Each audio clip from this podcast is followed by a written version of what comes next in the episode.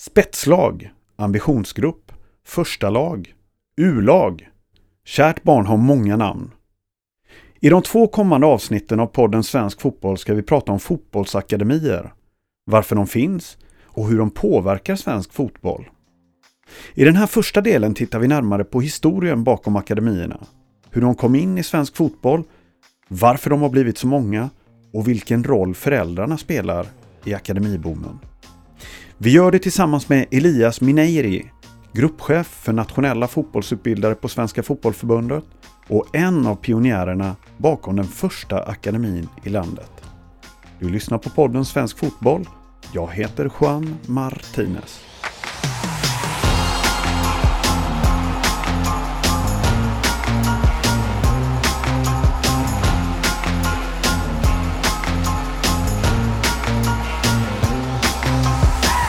Elias Mineiri, Elli får vi säga, välkommen till podden Svensk Fotboll. Tack så mycket. Eh, kul att ha dig här. Mm, kul att vara här. Idag ska vi prata om ett ämne som många gillar att diskutera både på och utanför planerna, nämligen akademier. Mm, det kan man nog säga, absolut. Du Ellie, om vi börjar, vad är det som väcker så mycket känslor kring, kring akademibegreppet? Vad är, vad är det som händer hos oss när vi hör det här ordet? Det ligger väl, om man tittar på skolvärlden eller universiteter och allt sånt där så pratar man mycket om akademier och att det är en lite högre nivå än allt annat. Man har akademisk utbildning och så. Och det har jag hakat på i fotbollen också, att det, det ska vara lite mer än allt annat. Eh, högre nivå än än det, än det som finns om man säger så. Så att eh, jag tror att det, det, är det som gör så att alla, alla någonstans känner att akademi det är någonting med hög nivå och hög standard. Och hög status. Och hög status blir det då att min, min son, min dotter har en akademisk utbildning eller spelar ett akademilag. Det är jätteviktigt att ta det vid middagsbordet eller när man pratar fotboll med, med andra föräldrar och så. Eh, du, eller har vi en akademiboom i Sverige? Skulle du säga det? Och hur ser den i så fall ut? Alltså den har ju växt och den har, det har blivit mer och mer. Det här startade säkert för en 10-15 år sedan. Där de första började kalla sig för akademier. Och eh, man tittar på europeiska klubbar som hade akademier tidigt och när man besökte eh, europeiska klubbar med turneringar eh, och så, så såg man att ja, men de höll lite högre nivå. Eh, och så tog man in det i Sverige och sen när de större klubbarna tog in akademi för ett tiotal år sedan så börjar de andra mindre klubbarna känna så här, oj, vi vill också ha det där akademi och lite högre nivå och eh, våra spelare vill också ha det. Då börjar man kalla det för akademi, men men var, var, varför kan vi ha akademi? Jo, men vi, vi lägger till en extra träning. Vi lägger till eh, eh, en utvecklingsträning eller eh, man gör någon, någonting extra så tycker man att nu har vi gjort någonting tillräckligt för att säga att vi är på högre nivå eh, och då kan vi kalla oss för akademi. Och då har det blivit en boom att alla, typ så fort man gör någonting extra så, så lägger man till akademi, att det räcker om man säger så. Utan att egentligen särskilja vad, vad begreppet nej, innebär nej, i, nej. inom fotbollen i alla fall. Ja, ja. precis. Ja. Nej, det är bara känslan att, att vi gör någonting mer eh, och akademi är ett ord som många gillar och eh, känner sig träffade eh, och vill gärna vara där. Vill gärna vara med. Men då har man ändå försökt att tydliggöra vad det är från, från fotbollens sida, bland annat via SEF. Då. Berätta, mm. vad, vad är, hur, ser en, hur ska en akademi se ut för att få kalla sig akademi enligt SEF, då, Svensk Elitfotboll? Och... Ja, man, man, har ju först och främst tittat på de, de bästa akademierna ute i Europa eh, och sett så, okay, vad är det för något, vad krävs det för att kallas för akademi, vilka, vilka parametrar ska finnas med. Och sen har man då tillsammans med eh, elitklubbarna i Sverige tittat så här, tillsammans, okej, okay, vad tycker vi att ska finnas med för en, för en eh, certifierad akademi om man säger så. Och då har man pratat om eh, bra verksamhetsplan. Man ser till så att man har en tydlig spelutbildningsplan. Eh, man har utbildade tränare, riktigt bra tränare som har gått lång utbildning, har bra erfarenhet. Man har eh, specialister runt omkring tränarna så att det finns där. Eh, man har bra faciliteter, fotbollsplaner, styrkerum och grupprum och analysrum och sånt. Man har bra samarbete med skolor, eh, framförallt bra samarbete med föreningar runt omkring för det är också en viktig parameter ute i Europa. Man, tittar så här. man kan inte bara ha en akademi och bara vara i sin lilla eh, bubbla utan man måste någonstans samarbeta med andra klubbar. Och det, och det gör ju också så att det är ett viktigt krav att ha med det, att, att det funkar med spelare och ledare och tränare och ja, klubbchefer och sånt runt omkring sig. Så att får man ihop alla de bitarna tillsammans, nu har jag säkert glömt någon, någon parameter, men får man ihop alla de bitarna tillsammans, då har man lite högre nivå, högre status och, och då ska kunna kalla sig akademi. I det här fallet har SEF då skapat en SEF-akademi med vissa kriterier och eh, antal stjärnor. Som man poäng bedöms utifrån då. Eh, Ellie, varför är det så många som vill ha en akademi idag? Vad, vad är det som ligger bakom Nej, men den här det, det är ju så, man, man, man, känner ju till exempel att det finns ju inte plats för alla i de här SEF-akademierna. Eh, och sen vill man ju konkurrera med dem och visa att men vi, vi kan lika bra som ni, och, eller vi är bättre än er. Eh, och då känner man att vi, vi testar att ha en akademi här hos, oss också. Men det finns ju skillnad på, på en storklubb som har en akademi och sen finns det kanske mindre klubbar som också självklart ska kunna ha en akademi i samarbete med större klubbar kanske. Men då har man akademilag i, i klubben. Men sen finns det också de här akademierna som känner så här, ah, men vi bryter oss, bryter oss ut här för att vi får, inte, vi får inte det vi vill ha i den här klubben. Eh, och så kanske man har vissa föräldrar som har gått ställt och så. Då, då vill man skapa en akademi för att visa, ah, men vi kan också, vi kan själva. Eller så kanske de inte får bedriva selekterad verksamhet i den föreningen de är. Nej, men då bryter vi oss ut. Om inte vi får göra det här så bryter vi oss ut och skapar vi en akademi. Och därmed blir det här akademi ändå ett ord för alla som är runt omkring att förstå, jo men de heter ju akademi, då är de ju bra. Eh, och då startar man upp med det namnet i princip, eller att man har med det i, i sitt klubbnamn på, på olika sätt. Är det ofta kriteriet eller är det ofta anledningen till att, att man bildar nya lag? Det här att man vill selektera tidigare än kanske den, den, den stora breddföreningen och Ja, det, det, är nästan, det är nästan det enda. Alltså att, att selektera tidigt eh, eller tidigt och tidigt. Man vill selektera helt enkelt. Och man vill visa att man har en selekterad verksamhet och då är det akademi. Det är samma sak i skolvärlden. Det är inte alla som kommer in i de här olika akademierna eh, och det, det, är en selektering. Det ska vara de bästa. Men genom att det är så många akademier så blir det ju väldigt många olika typer av lag med olika nivåer också. Så att det är svårt att säga, är det de som har kommit längst eller, eller är det bara väldigt, väldigt många som är med i akademier? På olika det, nivåer. Det låter som att det är utrymme för att det skapas en djungel där, där eh, egentligen begreppet urholkas. Ja men så är det ju. Så är det. det finns ingen patent på akademiordet. Eh, så det ur, urholkas självklart och därför tror jag också det är bra att SEF har valt den vägen att certifiera. Sen kan man ju diskutera hur den ska se ut, eh, självklart. Det finns ju också diplomerad förening som Svenska fotbollsförbundet har. Det är också ett sätt att certifiera föreningen. Eh, och det ser man, det är fler och fler som gör det. Och jag tror att någonstans så behöver man en kvalitetsstämpel i slutändan. Man kan inte bara, alltså vi ska heta akademi, men vad är er kvalitetsstämpel någonstans? Och det tror jag är en viktig del i det hela. Vad skulle du säga, eller vad, vad, vad, vill du från förbundets sida lyfta för att man någonstans ska bottna i begreppet? Eller vad kan man ha med sig in i, i en verksamhet? Alltså grunden är ju det här äh, att se till så att spelarna mår bra, får en bra utbildning på rätt nivå, på deras villkor, på spelarnas villkor. Så att vi har ju väldigt många tips och råd så att säga på våra hemsidor man kan gå in och läsa. Vad är viktigt för, för en spelare så att den ska spela länge, eh, spela med sina kamrater så mycket som möjligt, så länge som möjligt, och så bra miljöer som möjligt. Så att någonstans så är det så här, se till så att spelarna vill det här och, och mår bra samtidigt. Det är nummer ett. Och sen se till så att det finns en bra, bra utbildning i det. Många har ju oftast anställt bra tränare säger de. Men är det verkligen en bra tränare som kan taktik och övningar eller är det en bra ledare som ser till att barnen mår bra och utvecklas? Och där fallerar ganska många akademier också att amen, vi har en jättebra ledare som är sträng och tydlig och har jättefina övningar och skriker och vill vinna matcher och oj vilken bra tränare som ställer krav på mina barn och, och så vidare. Men men är det det som kommer utveckla spelaren och att den ska spela längre? Det tror jag inte, utan den, den här ledarskapet är nog nummer ett egentligen. Vad, vad, vad söker akademierna för typ av spelare? Vad är de ute efter? Ja, eh, det finns ju också olika typer av akademier som söker olika typer av spelare. Det finns ju de här storklubbs, eh, storklubbarna söker tycker jag nu i alla fall mer och mer spelare som har potential och, och eh, ja, de som de tror de kan utveckla till elitspelare så. Eh, Vad tittar man då på för egenskaper? Jag tror man tittar mindre på fysik, eh, man tittar mer på potential kring spelförståelse, eh, teknik, eh, se, alltså se att spelaren vill, har, har typ en, ett engagemang och en karaktär som, som eh, gynnar så att säga att man tränar mycket, spelar mycket matcher, eh, avstår från eh, långa uppehåll eh, istället för 6-7 veckors semester så vet man att den här spelaren, han kommer vilja spela fotboll och det räcker med tre veckors ledighet Eh, så att, så att spelarens eh, karaktär och, och så är väldigt viktigt för, för, för de akademierna eh, och kunna utveckla långsiktigt. Eh, så. Och det har blivit bättre och bättre. Jag tycker förut för 10-15 år sedan när man startade upp de här akademierna i storklubbar och så, så, så var det ganska vanligt att man så kortsiktigt på det. Sen finns det de här akademierna som som bara har en akademi, ja men de är bäst för dagen och sen flyttar man dem upp och ner mellan sina lag. Eh, och det kan vara tyvärr månadsvis, det kan vara eh, årsvis. Jag skulle vilja att det är minst treårsplan ska man ha för spelare om man tar in dem i ett lag, för de har ju ändå kompisar och så som, som man måste tänka på. Och sen finns det självklart de här akademierna som, som är enstaka som bryter sig ur eller, eller har en akademi inom klubben som man driver själv.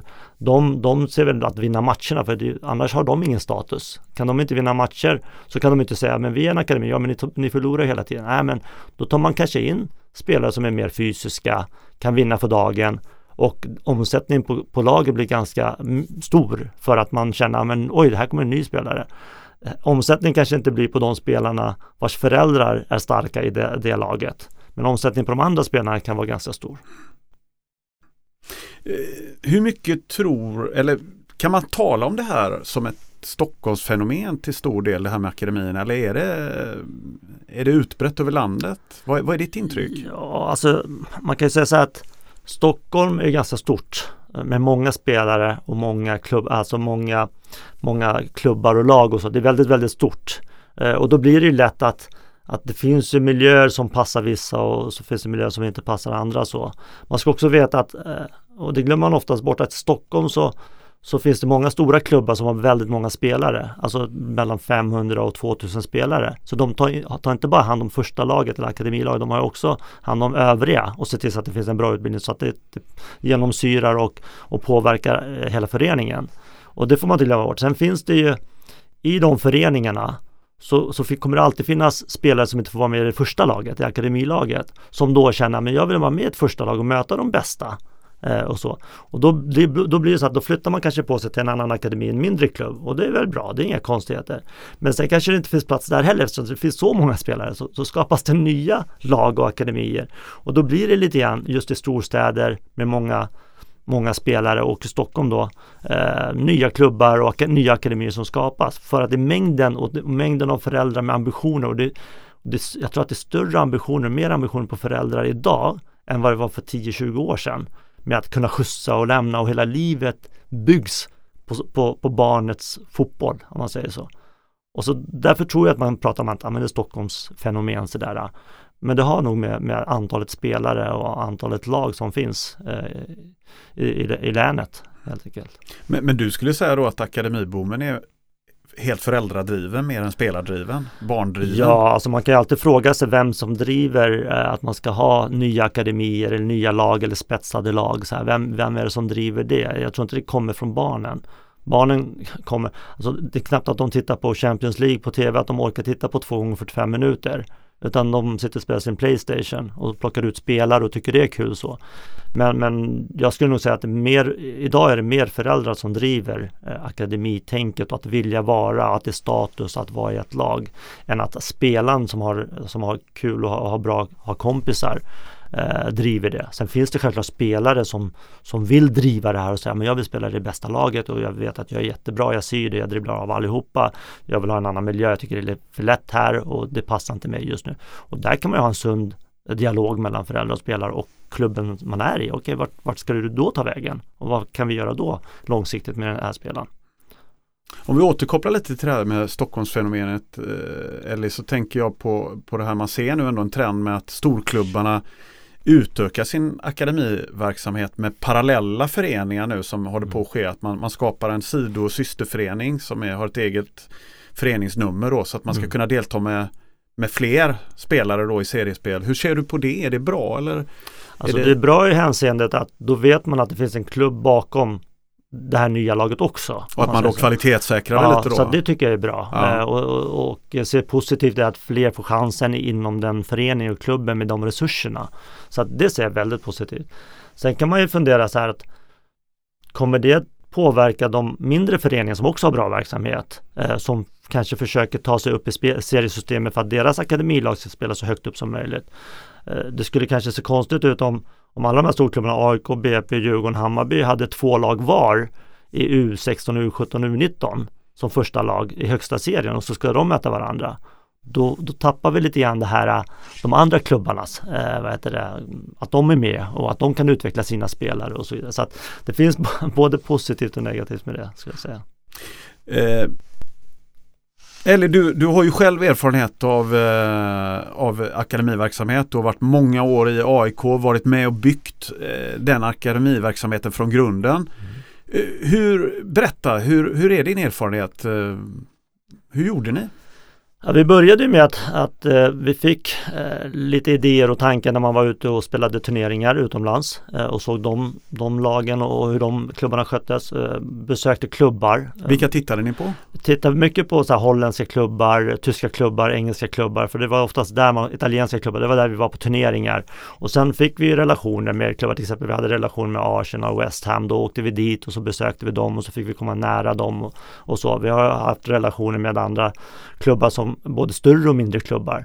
Eh, som helhet så, så kommer man ju tillbaks till sin egen verksamhet och tänker okej okay, vad har vi för verksamhet? Eh, hur kan vi utveckla spelare ännu bättre? Eh, så. Och, och, i det ska man alltid veta att det krävs ju resurser, det krävs ju pengar. Eh, och, det, och då tänker jag okej okay, vad är det som krävs pengar? Vad behöver vi först börja med att satsa? Om vi skulle skapa en akademi, vad behöver vi först satsa på? Ja, men det är ju tränare. För att har vi bra tränare, ledare så kan vi få bra utveckling på spelarna. Och bra matcher, bra facilitet. Kan vi ordna så att vi får bra plantider och, och så vidare. Så att lite sådana saker så måste man titta på det. Okej, vad kostar det här? Eh, hur får man ihop det här budget, budgetmässigt? Kan föreningen stötta? Eller behöver man hitta eh, externa finansiärer? Så tittar man på det självklart. Och vi gjorde så. Jag, Leif Karlsson som då var min chef som alltid sa, men vi ska göra nya saker. Vi måste alltid ta oss framåt i utvecklingen. Eh, vi satt då i en grupp tillsammans där och diskuterade det här. Och sen fick vi tag i en sponsor som hjälpte till med det. Och då kunde vi starta upp akademin. För att det är ingen idé, sa vi, att kalla oss akademi om vi inte har bra faciliteter, inget bra samarbete med en skola, eh, föreningar, eh, bra tränare. Alltså det, det, är ingen idé att ska, eh, säga att vi heter en akademi eh, och skapa den här akademin. Men när vi kände att vi hade allt det där och så anställde vi eh, Tobias Ackerman och Peter Wemberg som de första tränar, heltidstränare som var väldigt, eh, är väldigt framgångsrika, och hade goda renomméer inom ungdomsfotbollen. Så när de anställdes så kände vi att men nu har vi någonstans eh, jag tillsammans med de här två tränarna kan träna de här lagen, akademilagen okej då vet vi att vi har bra tränare kände vi. Och så hade vi allt annat runt omkring. När det skapades då kunde vi verkligen gå ut och säga så här, men vi är en akademi, vi lägger stämpeln akademi i vårt namn, AIK ungdomsakademi och verkligen kan stå för det. Och man, man såg ganska snabbt där att, att vi, våra lag med den satsningen på tre fyra år, Eh, från att kanske varit nummer tre, fyra i Stockholmsfotbollen varit ledande inom Stockholmsfotbollen. Och det, så att det krävs inte så jättemycket, men det är resurser, man behöver resurser och storklubbarna är de som har resurserna. Eh, och det är det man, man någonstans kände att okej, okay, då har vi det i alla fall. Sen, sen gick vi ner i åldrarna och det måste man också ta med sig. Vi gick ner i åldrarna så att vi, vi hade från 13 år till 9 år akademi för att vi såg att det fanns internationella klubbar som hade, som hade från 9 år. Och det var bra och viktigt tyckte vi. Men det där, ju, mer alltså åren gick så började vi känna mer och mer, nej men vi hade för stor omsättning på Sverige så att de som vi startade med för nioåringar var inte de som var i klubben när de var 14-15. Det var ju jättekonstigt när vi gjorde den här utvärderingen. Det var ju mer så att vi kunde locka till oss nya spelare för att vi hade bra lag. Men sen hade vi en stor omsättning och det var inte så bra. Så man kunde inte riktigt se vilka de bästa eh, spelarna var från nio som skulle bli bäst när de är 17-18 då ändrade vi och det var också så här, man kan titta på Europa nu, så går England och, och, Tyskland, de har ju också gjort de här undersökningarna och tittat på det. De går ju också upp i åldrarna nu istället. Och det ser man väldigt tydligt, det finns rapporter på det. Att de går upp i åldrar för att de känner också att det är bättre att jobba med många. Man senare lägger akademin, och senare lägger akademin istället. Då, ja. ja. och så satsar man då på ett, ett lag lite senare eh, istället. Och det, det, det, tror jag är viktigt om man tittar på svensk fotboll och hur vi jobbar på Svenska fotbollsförbundet också. Alltså senare lägg lite grann den här selekteringen. Vi behöver inte ha så bråttom. Se till så att många, att vi har många spelare istället, att inte spelarna slutar, så att vi har stor bas att ta utav framöver istället. Eh, så att det tror jag är någonting som jag hoppas fler följer. Eh, så. Mm. Men det är lite grann historik kring AIK och, och, eh, mm. ja, och nu är ju AIK en SEF klubb om man säger så. Certifierad klubb. Hur, hur påverkade det föreningen internt när ni lanserade akademin? Hur, vad hände tyckte du med klimat och miljö och spelarnas attityd? Alltså tänkte du början då på Ja, när ni alltså blev en akademi, när, när, ni hade byggt upp den här akademin? Nej, men det, det vart ju en uh, wow-grej, alltså så. Uh, hela klubben stod ju bakom det uh, och man såg också framgångarna. vi vart eller utsedda till bästa um, flick och pojkklubb genom att vinna troféer och så. Så det vart ju ganska stort in på Råsunda stadion och eller på Friends och fick ta emot hyllningar från publiken och så vidare. Så det var ganska stort så. Det som det som var negativt för klubben det var ju det här att de spelarna som var i akademin kunde ju gå runt och höja bröstet och säga jag spelar i akademin på skolgården och gick runt med sin akademijacka. Vi hade till och med en egen akademilogga. Och de spelarna som inte spelade i akademin men var i AIK, det var ju nästan så här, ja, men du spelar inte i akademin. Så det var ju lite så här, och det märkte vi efter tre år ungefär att nej, det här var inte så bra. Så vi tog bort namnet akademi från AIK. Alla ska heta AIK. Eh, så det var en viktig del och det måste man också ta med sig så här, att de här som startar nya akademier, ska ni, måste ni stoltsera med akademi och därför det påverkar faktiskt kompisar och omgivningar runt omkring. Ni spelar ett fotbollslag, okej okay, det kan vara ett första lag, absolut, men de har också kompisar runt omkring som inte spelar första lag och föräldrar som har barn som inte spelar första lag eh, och så vidare. Så att det, det, har varit, eh, det har varit en bland, blandning av känslor och vad man tycker om det under åren om man säger så. Kan en akademi eller ett lag, en klubb med bara ett eller få lag vara framgångsrik, få bra, fram bra spelare? Kan man ha bara ett lag och kalla sig akademi? Jo, det kan man. Eh, det kan man. Alltså, har en riktigt bra tränare, eh, ta, ta till exempel eh, Jonas Tern Eh, eller Billborn. Om de skulle ta ett lag med unga spelare eh, och få plantider och så och möta bra lag. Så visst kommer de vara riktigt bra att ta fram bra spelare. Eh, så att det finns ju. Men sen är det frågan, är det oftast är det så här kortsiktigt. Det är tre, fyra år, sen har inte de ett juniorlag, ett U17, U19-lag på högsta serien. Då kommer de ändå byta lag. Det finns ju många sådana exempel i Stockholm till exempel, där, där jag har haft lag i AIK då och spelat mot mindre klubbars lag. Alltså det kan vara Enskede, Stocksund, det kan vara Segeltorp, Älvsjö AIK. Då har vi förlorat mot dem.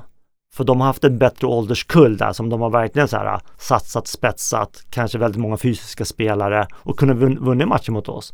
Men i slutändan så har de, det laget har splittrats så att AIK fick tre spelare, BP fick två, Djurgården fick en och så vidare. Så, så det laget i slutändan, ja men det håller tre, fyra år. Och har man sådana ambitioner att ja, men vi jobbar med tre, fyra år bara med laget så ja, då kan det funka. Jag tror definitivt att man kan få fram bra lag och, och med bra tränare.